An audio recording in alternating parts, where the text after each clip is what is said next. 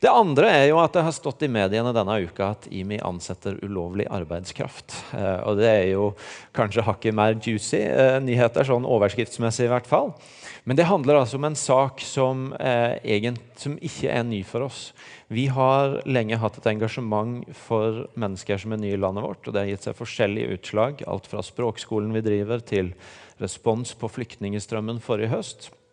Og i det så har det også over tid nå vært en sak som handler om en ganske egentlig liten gruppe mennesker, noen hundre mennesker i landet vårt, som gjerne kalles, settes eh, merkelappen 'papirløse' på.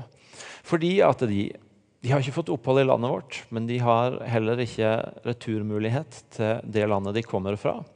Og så har mange av de levd lenge i Norge, og inntil for en fem-seks år siden så hadde de mulighet til å leve ganske normalt i Norge, til å jobbe og ha et vanlig liv her. Så bestemte myndighetene seg for å ta fra de skattekortet og muligheten til å jobbe.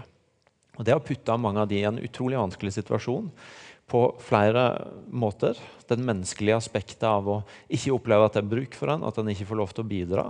Men også veldig konkret fysisk materielt gjennom at en rett og slett lever på et minimumsnivå. At en får et veldig, veldig lite minimum av tilskudd. Og en har ikke mulighet eller tilgang til å skaffe inntekter som, som legger på det på andre måter.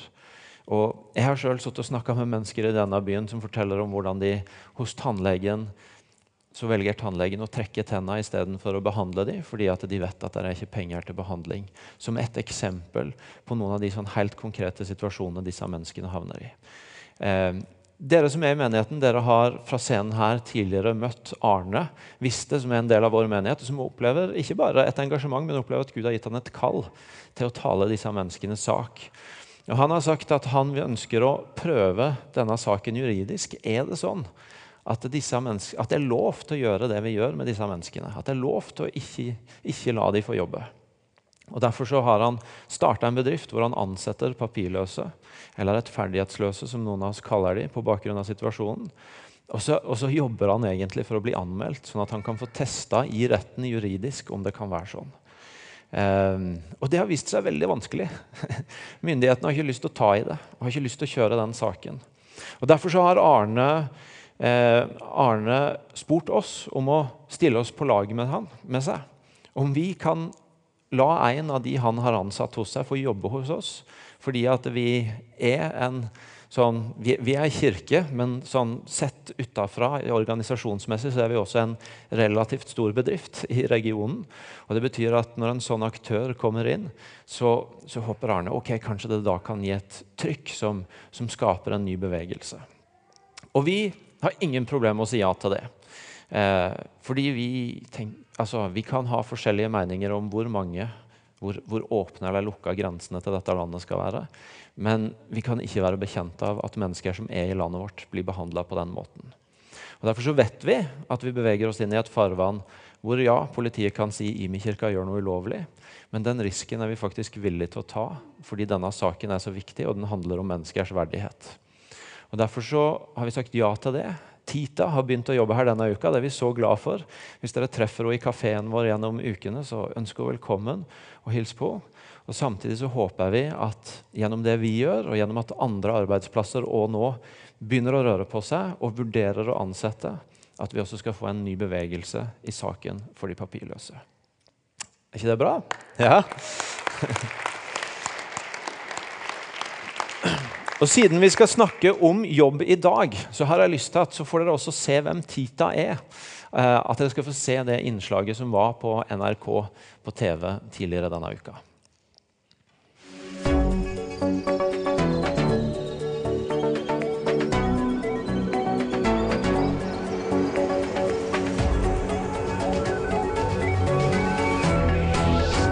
Og velkommen til nyhetene fra NRK Rogaland denne onsdagen. Dagen i dag ble den største i Tita Abraham Mekonnen sitt liv. Den papirløse flyktningen begynte nemlig i jobb i kantina i Imi-kirken i Stavanger. Men som papirløs i Norge har hun ikke noen rettigheter, og dermed bryter Imi-kirken også loven. Jeg føler meg uh, uh, glad. Det betyr at uh, før jeg har ingen jobb, så nå jeg begynner å litt vaske og sånn, det er veldig Jeg er veldig glad. Livet begynner å få litt mening for Tita fra Eritrea. Hun har endelig fått en jobb å gå til. Men da hun fikk avslag på asylsøknaden, ble hun fratatt alle papirer. Hun ble papirløs asylsøker og rettsløs i Norge. Det er håpløst og forferdelig trist uten jobb. Fordi før jeg jobbet i ti år, jeg hadde skattekort. Så jeg mistet skattekort, og det er helt mørkt. Nå gjør Tita klar for lunsj til ansatte og studenter i kantina til Imi-kirken i Stavanger. Men de som gir henne jobb, tar en sjanse. For myndighetene vil ikke ha noe med de papirløse å gjøre. Som samfunn så setter vi disse menneskene i en situasjon som er helt uholdbar. Det har på den ene siden med den verdigheten som ligger i å kjenne seg verdsatt og bruk for av samfunnet ved å komme til jobb. Som Tita sjøl sier, det å bare sitte og tenke vonde tanker i stedet for å ha et sted å gå til. Arne Viste etablerte innleiefirmaet Plog for å få papirløse i arbeid. Han hjelper med det meste, ikke minst retten til å betale skatt. Men i to år har han bare møtt veggen hos myndighetene. For myndighetene de skygger banen. De vil ikke at domstolen skal avgjøre og belyse denne saken. Så Derfor lar de bare meg holde på. Så når jeg ber om å få lov å betale skatt for disse som ikke har skattekort, så får jeg ikke svar. Så foreløpig må jeg bare sette pengene til side og håpe at jeg snart får betalt de. Hvordan ser det på framtiden nå? Ja, framtiden er nå Ja. Så bra. Det var Tita. Og Det handler om jobb, og det er faktisk også det vi snakker om i noen uker i menigheten vår nå. Tita sier noe om hvor mye håp det gir henne å ha et sted å gå til. Vi har en serie som vi har kalt Hele livet, som handler om at, som Martin sa den første uka, eh, er du kristen, så er du kristen. Det er ikke noen rom du er kristen i, og andre du ikke er det i. Og så har vi spora spes spesielt inn på det som handler om å ta med seg troa og la troa få, få, få rom i det mange av oss fyller mye dagene våre med, enten det er på jobben vår eller på studiestedet eller lignende. Og som jeg sa sist, jeg sier det nå òg sånn i starten, sånn at, uh, sånn at det, det, jeg satt ord på. Jeg veit selvfølgelig at ikke alle har en jobb å gå til. Noen fordi en har valgt det eller er i en fase i livet hvor en ikke lenger trenger. Andre fordi sykdom eller rett og slett at en ikke har fått jobb, selv om en ønsker det, er en del av hverdagen. Og da har jeg bare lyst til å si, Tenk ikke nødvendigvis at da er det ikke noe her å hente, men tenk det som fyller din hverdag, det du har i hånda, som, som du på et eller annet vis forvalter. Eh, hvordan kan det vi snakker om, anvendes på det som er hverdagen din, også om det ikke er spesifikt jobb? Men vi har lyst til å bore litt dypere i det. Og Et spørsmål en kanskje kan stille seg når en snakker om tro og jobb, det er jo Hvis du tror på Jesus, blir jobb, og den, den jobben du har, blir den da mindre viktig eller mer viktig? Eller ingen av delene. Er det sånn at nei, nå, nå, tror jeg på Jesus, og jeg har gitt livet mitt til han, og, og, jeg tror jo at han kaller meg til å følge seg, og at det ikke bare er å liksom si ja, be en bønn og, og vente på himmelen, men, men, det er jo livet nå. Så, så, så, så nå, nå, er det det som gjelder, nå er det det som fyller mitt liv. Og, eh, og, jobben, det er på en måte Noe må jeg jo ha å gå til, og et sted må jeg tjene pengene mine. Og, de snakker jo om ting en skal gi til nesten hver gang vi kommer sammen, så, noen må jo tjene de pengene som som skal gis. Og, eh, og, Er det egentlig sånn at i det, i det, det er Jesus som kommer på radaren, og en liksom virkelig blir opptatt av han, så er, så er de tinga der litt underordna, litt sekundære? Eller er det en annen historie? Kanskje er svaret litt av begge deler. Fordi at eh, på den ene sida så, så kan det å få en tro på Jesus utfordre ting i livet hvor en har gjort noen ting viktigere eller plassert større trygghet i noen ting enn det det egentlig er grunnlag for. Det kan være at, at, hvis jobben er blitt det stedet du tenker at der får jeg verdien min Ved å gjøre en god jobb så vet jeg at det er betydningsfull, at det er bruk for meg, at, at det er verdt noe. At din, din, tro på Jesus vil utfordre deg. At verdien din kommer grunnleggende fra et annet sted. Fra han som har skapt deg i sitt bilde, fra han som elsker deg uavhengig av det du gjør. Og at, og at noe av tryggheten i å ha et sted en vet at en gjør nytte for seg, kan bli utfordra. Og hvis du opplever at på en måte alt underholdet i livet ditt, din trygghet på at du har det du trenger, kun ligger i at du har et sted som betaler lønna di, at, at sannheten om at Gud helt i bunnen er vår forsørger, vil utfordre hvis den tryggheten ligger der for tungt. Så, så, tro kan utfordre hvis vi noen steder har på en måte lagt for mange aksjer i at det er jobben vår som, som står for mening og trygghet og alt. Men samtidig er det en annen historie som vi også så på sist gang, som handler om at helt fra skapelsesberetninga av så forteller Bibelen en historie om at Gud skapte oss ikke bare til å Eh, til å ha relasjon med Han, men også til å, til å, ta et ansvar, til å ha en betydning, til å, om du vil, jobbe. Det ligger der helt fra skapelsen av. Forvalt skaperverket. Legg jorda under dere. Ta vare på den og, og, og, og bli fruktbare, bli mange. Der ligger en tanke helt fra starten av som, som på mange måter også løfter betydninga av jobb opp. Og så møter vi Det nye testamentet Paulus, som eh, som sier i Kolossabrevet så sier han om jobb Jeg skal bare ta med et par vers her som vi var innom sist gang. også, sier han Alt arbeid skal dere gjøre helhjerta, for det er Herren og ikke mennesker dere tjener. Alt arbeid dere gjør, skal dere gjøre helhjerta, for det er Herren og ikke mennesker dere tjener. Så, så Paulus han, På den ene sida kan du si at ja, troa på Jesus kan utfordre en sånn å putte all sin trygghet og mening og verdi i en jobb. Og på den andre sida løfter Bibelen opp og faktisk sier at kanskje blir jobb, en, jobben din og, eller det du, det du bruker i hverdagen din på, enda viktigere enn før med et, med et Jesus-perspektiv på det. Fordi da er det ikke lenger bare noen andre mennesker du tjener. Men du skal få tenke om det du bruker hverdagen til, det, du, det, det stedet du jobber på, også som en tjeneste for Gud. Og Det snakka vi en del om sist gang. Om hvordan vi kan rive ned noen av skillene mellom tjeneste for Gud som noe som skjer i kirka, men, men det skjer også utafor kirka og på jobben. Gavene Gud gir oss, de virker ikke bare i kirka, men de kan også brukes på jobben. Eh, Guds rike-prinsippene som vi lærer om i Bibelen, funker ikke bare i kristen setting, men de funker også utafor og i arbeidslivet. Og så har jeg lyst til i dag eh, Det er jo Paulus som blir sitert på, på dette her, og som også vi siterte sist gang når han sier til korinterne at dere skal bli der dere var når dere ble kalt, og tenke at dere kan tjene Gud der. Han, han, han, holder de fast i. Tenk på det stedet du er, den hverdagen du har, den, den, jobben du har, som et sted å være for å tjene Gud. Og så kan det være interessant å se hvordan, hvordan spiller dette seg ut i Paulus sitt liv. Han blir jo etter hvert misjonær og reiser rundt. Men så, men så, er det et utrolig fascinerende sted i, eller et, en fascinerende eh, avsnitt i Filipperbrevet, hvor Paulus skriver fra fengsel. Paulus er misjonær, men han er blitt satt i fengsel for sin tro. Og så, og så skriver han til menigheten og de kristne i Filippi. Jeg vil at dere skal vite, søsken, at det som har hendt meg, har tjent til framgang for evangeliet. Det har blitt kjent i hele borgen og for alle de andre at jeg for Kristi skyld er bærer lenker. Pga. disse lenkene har de fleste av våre søsken fått større tillit til Herren, så de enda modigere enn før våger å forkynne ordet. Paulus er, han har en, ett oppdrag her i livet, og det å reise rundt og forkynne evangeliet og plante nye menigheter. Er, for han så er det jobben. Selv om vi nå for, for, veldig mange av oss snakker om jobb som ikke har et sånn kristent fortegn.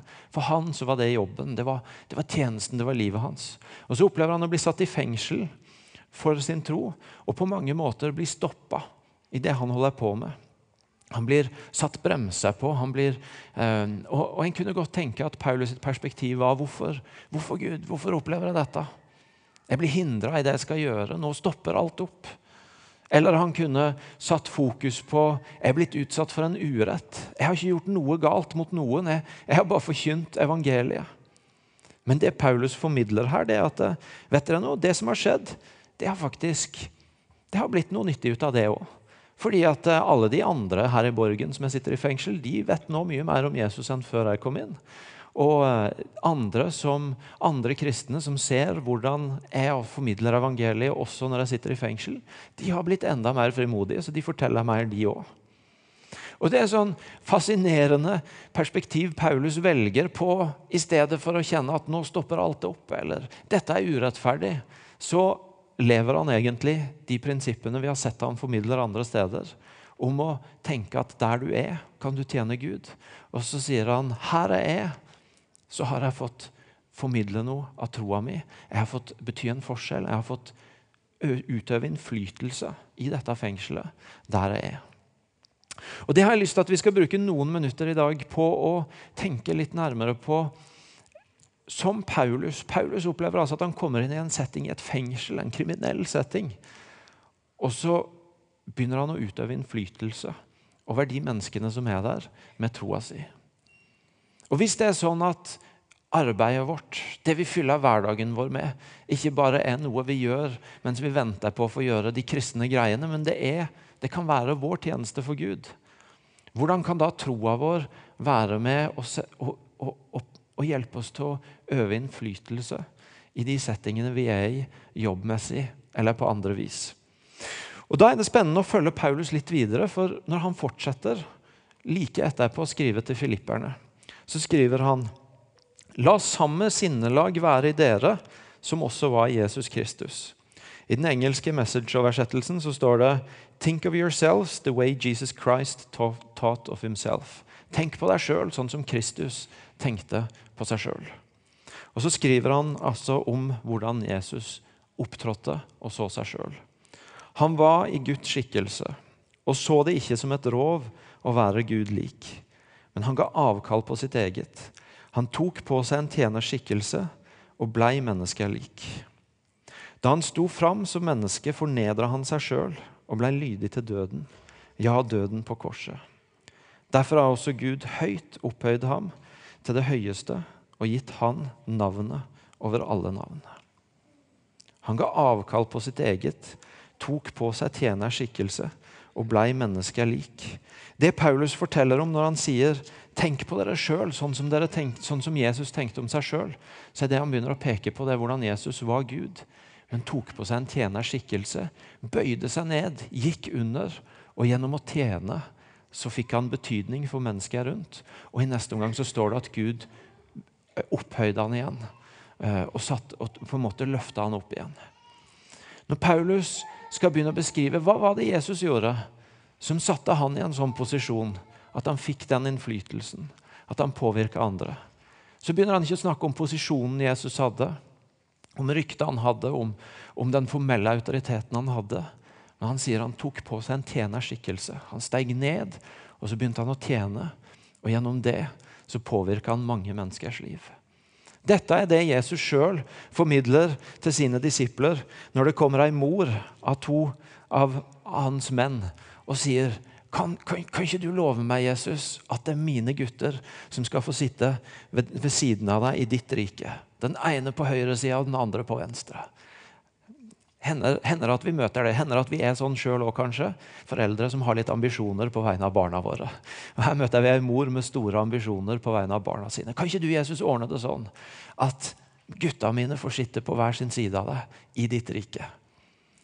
Og så, og så kommer Jesus i gang med denne undervisninga, som, som i sum for disiplene munner ut i at den som vil bli stor blant dere, skal være tjeneren deres. Og den som vil være først blant dere, skal være slaven deres. Slik er heller ikke menneskesønnen kommet for å la seg tjene, men for sjøl å tjene og gi sitt liv som løsepenge for mange.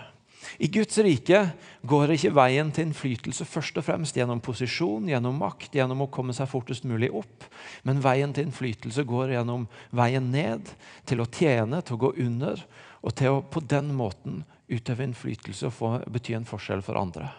Det kan høres ut som et fint åndelig prinsipp, men det er faktisk en veldig konkret ting som veldig mange av oss kan ta med inn i hverdagen vår. Hvordan ser det ut for oss i den settinga vi er i, på den jobben vi har, å ta med seg inn et perspektiv av at her er jeg ikke for å klatre, her er jeg ikke for å få mest mulig makt. Her, her er jeg ikke for, for å få igjennom min mening flest mulig ganger, eller for å breie meg ut. Men, men hvordan kan det se ut for meg å gå inn her og tjene? Hvordan ser det ut for meg å gå inn i denne situasjonen og være den som ikke først og fremst skal presse gjennom sitt eget, eller skal få sin egen kake? Men hvordan ser det ut å gå inn og være den som tjener, og gjennom det begynner å påvirke andre ved å komme unna folk? Det er Guds rikes vei til innflytelse. Det er den veien Jesus gikk. Det er den veien han modellerer for oss når vi skal begynne å tenke om ja, hvordan, hvordan kan jeg ta med meg denne troa mi inn i hverdagen og begynne å, begynne å, se at akkurat som Paulus i den borgen Oi, her begynner det å skje ting rundt meg fordi jeg er her. Så kan vi merke at det begynner å skje ting rundt oss. Er ikke det befriende? Er ikke det befriende at faktisk så kan alle av oss være med på det? Fordi Jesus han trengte ikke å bli krona til konge før han kunne bety en forskjell. Men han, han, kunne egentlig komme som en vanlig snekker, som etter hvert begynte å trene på scenen som noe enda mye mer. Men han kom inn fra en tjeners posisjon. Han kom inn under folk, og gjennom det så begynte stadig flere å snakke om han og følge han, han og få livet sitt berørt av han.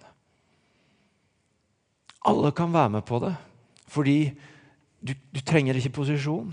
Du trenger ikke så mange forutsetninger, men du kan få gå inn i en fastlåst situasjon på avdelinga di. I en situasjon hvor, hvor, hvor, alle andre er opptatt av hvordan kan jeg komme meg opp og fram. I, i en situasjon hvor, hvor ingen veit hva de skal gjøre. Og så kan du, kan du tenke hvordan, hvordan, kan jeg få gå inn her og tjene? Hvordan, kan, hvordan, ser det ut for meg å komme inn som en tjenerskikkelse og gjennom det begynne å, begynne å påvirke omstendighetene rundt meg? Satt på huskirka på onsdag, og ei forteller om hvordan hun Stemninga på jobb hadde bare vært kjempedårlig i det siste. Og hun sjøl hadde blitt tatt av det. Og Så var hun her sist søndag og hørte om hvordan hun kunne få ha perspektivet på at jobben hennes var en tjeneste for Gud. Og så hadde hun bare fått gå inn denne uka med en helt ny innstilling. Og fått begynne å være med å tjene inn i et miljø som var prega av mismot og misnøye. Og så begynte å merke hvordan noen av kollegene smilte litt mer. Hvordan noe begynte å endre seg. Fordi én gikk inn under og bare spredte noe annet. Det er vår mulighet å komme inn og tjene. Jeg sier ikke at posisjoner er galt. Jeg sier ikke at hvis du har en lederstilling, så, så kan du gjøre det på Jesus-måten fordi at du skal bare komme inn og tjene. Nei, det er jo spørsmålet hvordan bruker du den autoriteten og den myndigheten du har der, til å bare fortsette å tjene og gå under andre og løfte andre opp, sånn som Jesus gjorde. Og så er det noen ganger en opplever at nettopp gjennom å gå inn og tjene, så får en erfare at en i neste omgang løftes opp og blir lytta til, får mer muligheter, får mer rom, fordi en valgte det. Jeg husker jeg sjøl eh, Før pastor, pastoratet tok meg, så var jeg i tvil. Skulle jeg bli journalist eller pastor? Ehm, og, ehm, og, jeg husker det, og jeg jobba i flere år parallelt med studiene som journalist. Uh, og jeg husker når jeg fikk, fikk min uh, første fikk jobb som journalist i Oslo mens jeg studerte, så var utgangspunktet at uh, avisa søkte etter frilansere. Og vi var en del som fikk, fikk gjøre noen forsøk. Og jeg var, jeg var, akkurat da i militæret, siste del av militæret. og og så fikk jeg beskjed om å lage en sånn typisk kjedelig NK-sak, hvor du må ut og så må du spørre x antall mennesker de samme to spørsmåla. Eh, og du føler egentlig ikke du gjør noe annet nyttig enn å være et sånn mikrofonstativ som stiller et spørsmål og skriver ned, og skriver det ut av avisa. Og utover det ikke tenker så mange kloke tanker. Eh, det er ikke drømmejobben. Eh, kanskje syns noen journalister det er gøy. Jeg syns aldri det ble gøy heller. Men, men, men, ikke sant? jeg var i militæret, og jeg tenkte mm, det tar seg kanskje ikke så veldig bra ut om, om det kommer liksom nå ti soldater. For det skal jo gjerne være noen unge, noen voksne, noen kvinner og noen menn. Og skal, ja, ikke sant? Dere skjønner?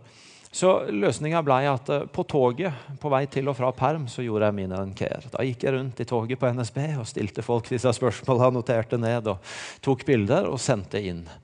Um, og Så kom jeg ut av militæret, og så, og så kommer jeg til, uh, til avisa, og så sier de egentlig så, så har du ikke sjans på dette her. Det er over 70 stykk som har søkt. Vi, vi skal kanskje gi en fire-fem sjansen. Og, og, over halvparten av disse her er ferdig utdanna journalister. Du har ingen formell kompetanse. Men du har vist oss noe.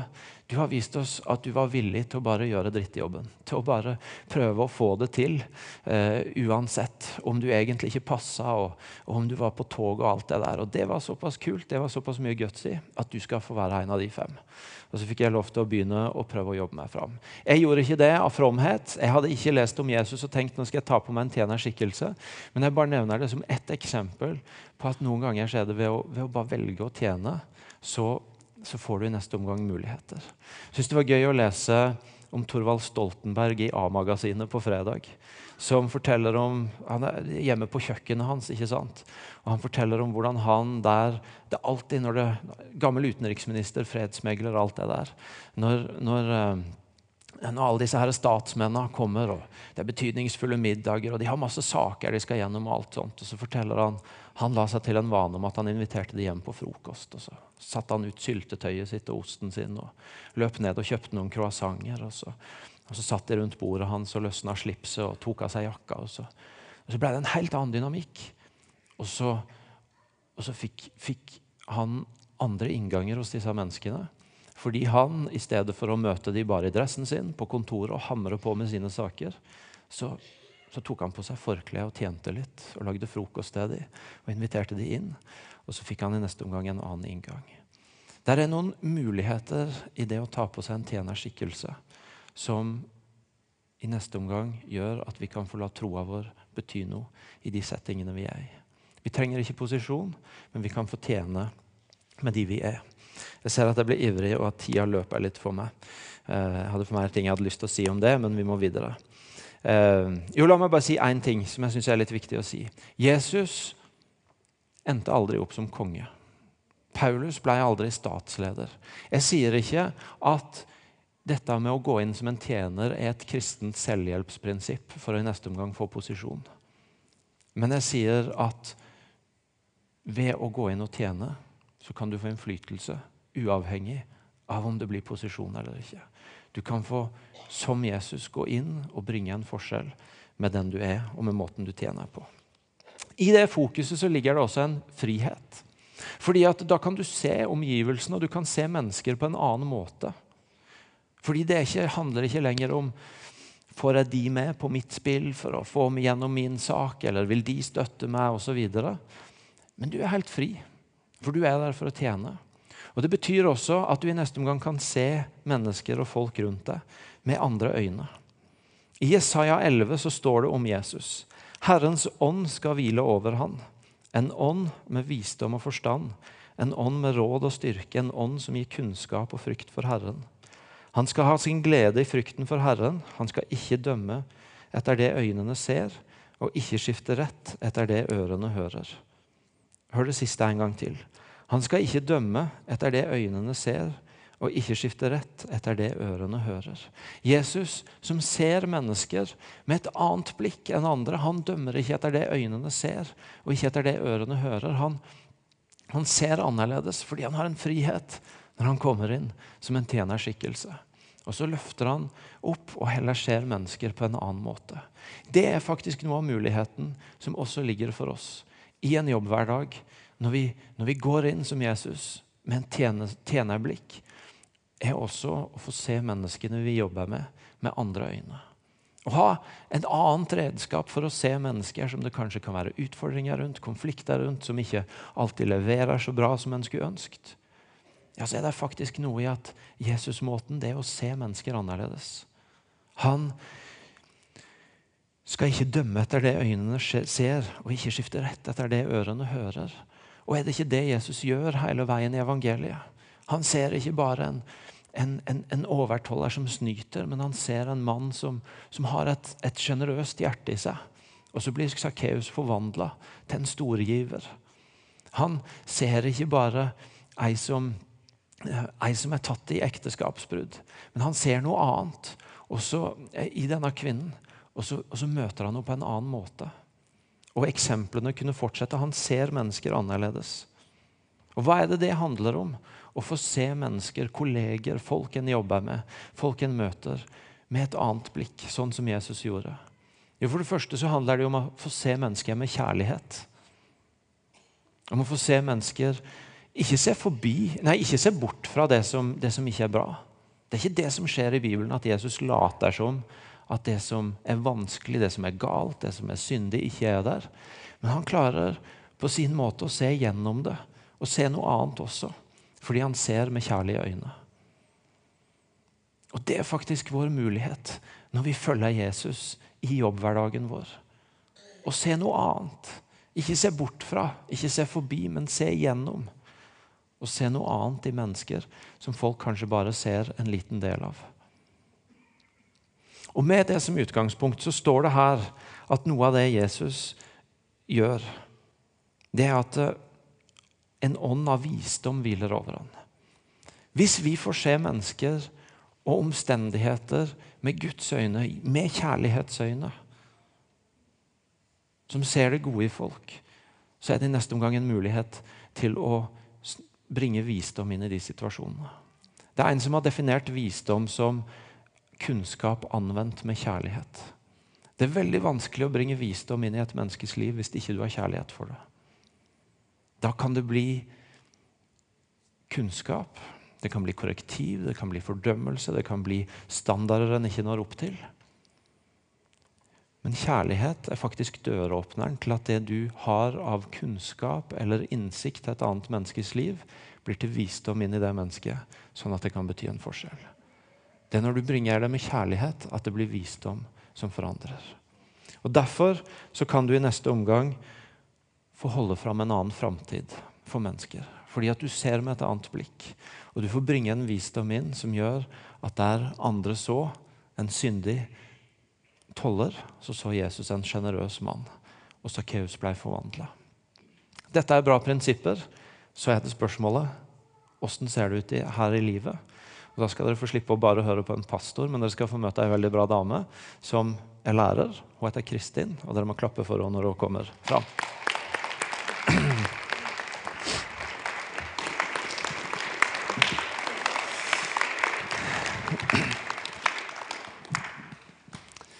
Så bra. Kristin, det, jeg må spørre deg først, det har vi ikke avtalt, men eh, Facebook røper så mangt. Har du bursdag i dag? Ja. Ja! Gratulerer med dagen! Facebook er noe skit. Oh, nei, nei, nei. Nei da. Det røper for mye. Nå, nå blir det mye gratulasjonsklemmer. Ja, det er. Veldig bra. Du, du er lærer, og eh, jeg har lyst til å snakke om det med å være kristen og lærer. Ta med troa på jobben. Det vet jeg at du har tanker om. Jeg har flere ganger hørt ting fra du om det som har inspirert meg. Jeg har lyst til å begynne med å lede inn på ett punkt. fordi at det her Sein sommer, tidlig høst, så sto vi og prata. Og jeg begynte å bevege meg inn i det der litt minefelte landskapet med, med lærerferier og sånn, hvor du ikke alltid helt veit om du skal tulle eller ikke. ikke sant? Eh, men Kristin hadde en kontring som jeg ikke har opplevd før. For hun sa ja nei, du skjønner jeg begynner på jobben litt før jeg må. jeg. Og så fortalte du noe om hva du gjorde da. Og det har jeg lyst til at disse skal få høre. Ja, jeg begynner hver eh, høst en til to dager før de egentlige planleggingsdagene. Og, og hovedgrunnen er jo at jeg trenger å roe ned hodet og lande litt. Eh, komma, men òg fordi jeg trenger å be. Eh, sånn at de to dagene, eller den ene dagen, det varierer litt om det er en eller to dager, eh, så er det det jeg i hvert fall gjør, det er å sette navnelapper på alle pultene i klasserommet mitt. I år er det 25 herlige 10-11-åringer. Eh, og når jeg da har sett plasseringa på de, så går jeg rundt og setter meg på hver enkelt stol og ber for hver enkelt elev, familie. Har jeg hatt elevene før, da, så kjenner jeg jo bakgrunn, situasjon, så da må jeg sitte lenge noen plasser. eh, For de trenger det mer. Og, ja. Eh, og det merker jeg gjør eh, noe Jeg tror jo på bønn. Jeg tror jo at Gud kan gjøre noe inn i de elevenes liv gjennom at jeg ber. Og noe med året mitt. Men det er òg noe med min innstilling um, som jeg trenger å gjøre noe med før skoleåret starter. Hvordan møter jeg den enkelte elev med Guds verdi? Mm. Så det er Fantastisk. Det bra. Så bra. Ja. um, Men eh, er det sånn at eh, da har du jo begynt tidlig og bedt for dem før skoleåret, så da er du ferdig bedt, da? Eller kan du, bruker du bønn gjennom året òg? Jeg bruker mye bønn gjennom året. Spesielt ja. må jeg si de som utfordrer og enten inagerer eller utagerer. Det har alle klasser. Eh, og de som du er nødt til å feire de tre tingene som gikk bra i dag på vei hjem, de må jeg ta med i bønn og på en måte legge de over på Gud. For eh, da, da, har jeg erfaring med at jeg er mye mer nullstilt til dagen etter på å kunne møte dem med det samme kjærlige blikket og 'hei, kjekt å se deg', som jeg gjør enkelt for noen andre. De har krav på å bli møtt av en lærer som 'jeg heier på deg', kom an, vi tar den dagen her òg, meg og deg. Ja. Og det hjelper Gud meg med. Ja. Så, men så vet jeg at du har også opplevd at uh, det har betydning at andre ber for du. Ja, det har jeg opplevd veldig mange ganger. Og, eh, og, når det gjelder inn i det å være lærer. Og nå tenkte jeg skulle dele ett vitnesbyrd, for jeg visste når jeg jobba på den forrige skolen, at de hadde en sånn mødre-bønn-gruppe. Da hadde jeg òg starta med en ny klasse, så de eh, Mange av de foreldrene hadde aldri truffet da den dagen her kom, som var en sånn drittdag som alle yrker har. Jeg tenker Uansett så har du tunge dager. Den dagen hadde du vondt i hodet, det regna, det var mye krangling. Det var bare tungt eh, å være lærer. Eh, og når da tiefriminuttet kom, så sa jeg til Gud Kjære Gud, nå må du bare vise deg din mening at jeg er her, for jeg fatter ikke hva jeg driver med. Så gikk det ca. sju minutter. Jeg hadde fått sendt elevene ut. Eh, og så kom det opp ei mor som er ganske sånn eh, dassblaut, egentlig, eh, med en bærepose. Og så sa hun det. 'Kristin, eh, jeg vet ikke engang om du tror, jeg. Men jeg bare satt og ba for deg.' Og da eh, sa Gud at jeg skulle gå opp med det. Så her har du det. Og så la hun det fra seg, og så bare stakk hun. For hun tror jeg gikk langt over sine grenser på å gjøre det. Og så, for, for jeg tror ikke hun, ja, som sagt, hun visste jo ikke at jeg trodde på Gud. Så åpner jeg posen, og så er det et sånt stort kort med to kort på. Og På det ene så var det eh, masse masse bølger, og så et lite sånn hode med Jesus på. Så står det 'Han er der i stormen'. Mm. Wow. Og det andre var 'Frykt ikke, for jeg er med deg. Se deg ikke enskelig om, for jeg er din Gud.' 'Jeg styrker deg og hjelper deg og holder deg oppe med min rettferds høyre hånd.' Wow. Ja. Fantastisk. Ja! Vi må Ja, dere skal Ok. Uh, vi har ett spørsmål til vi må ha med. fordi at Nå har vi snakka mye om bønn og opp mot elevene, men du jobber jo også med mange kolleger. Uh, hvilke erfaringer tanker har du om det med uh, tro opp mot kollegene dine? Jo, For det første så tenker jeg at når jeg leste for en stund siden 80% av de som blir kristen, blir det gjennom venner eller nære relasjoner, så tenker jeg ja, da må jeg jo være en, da.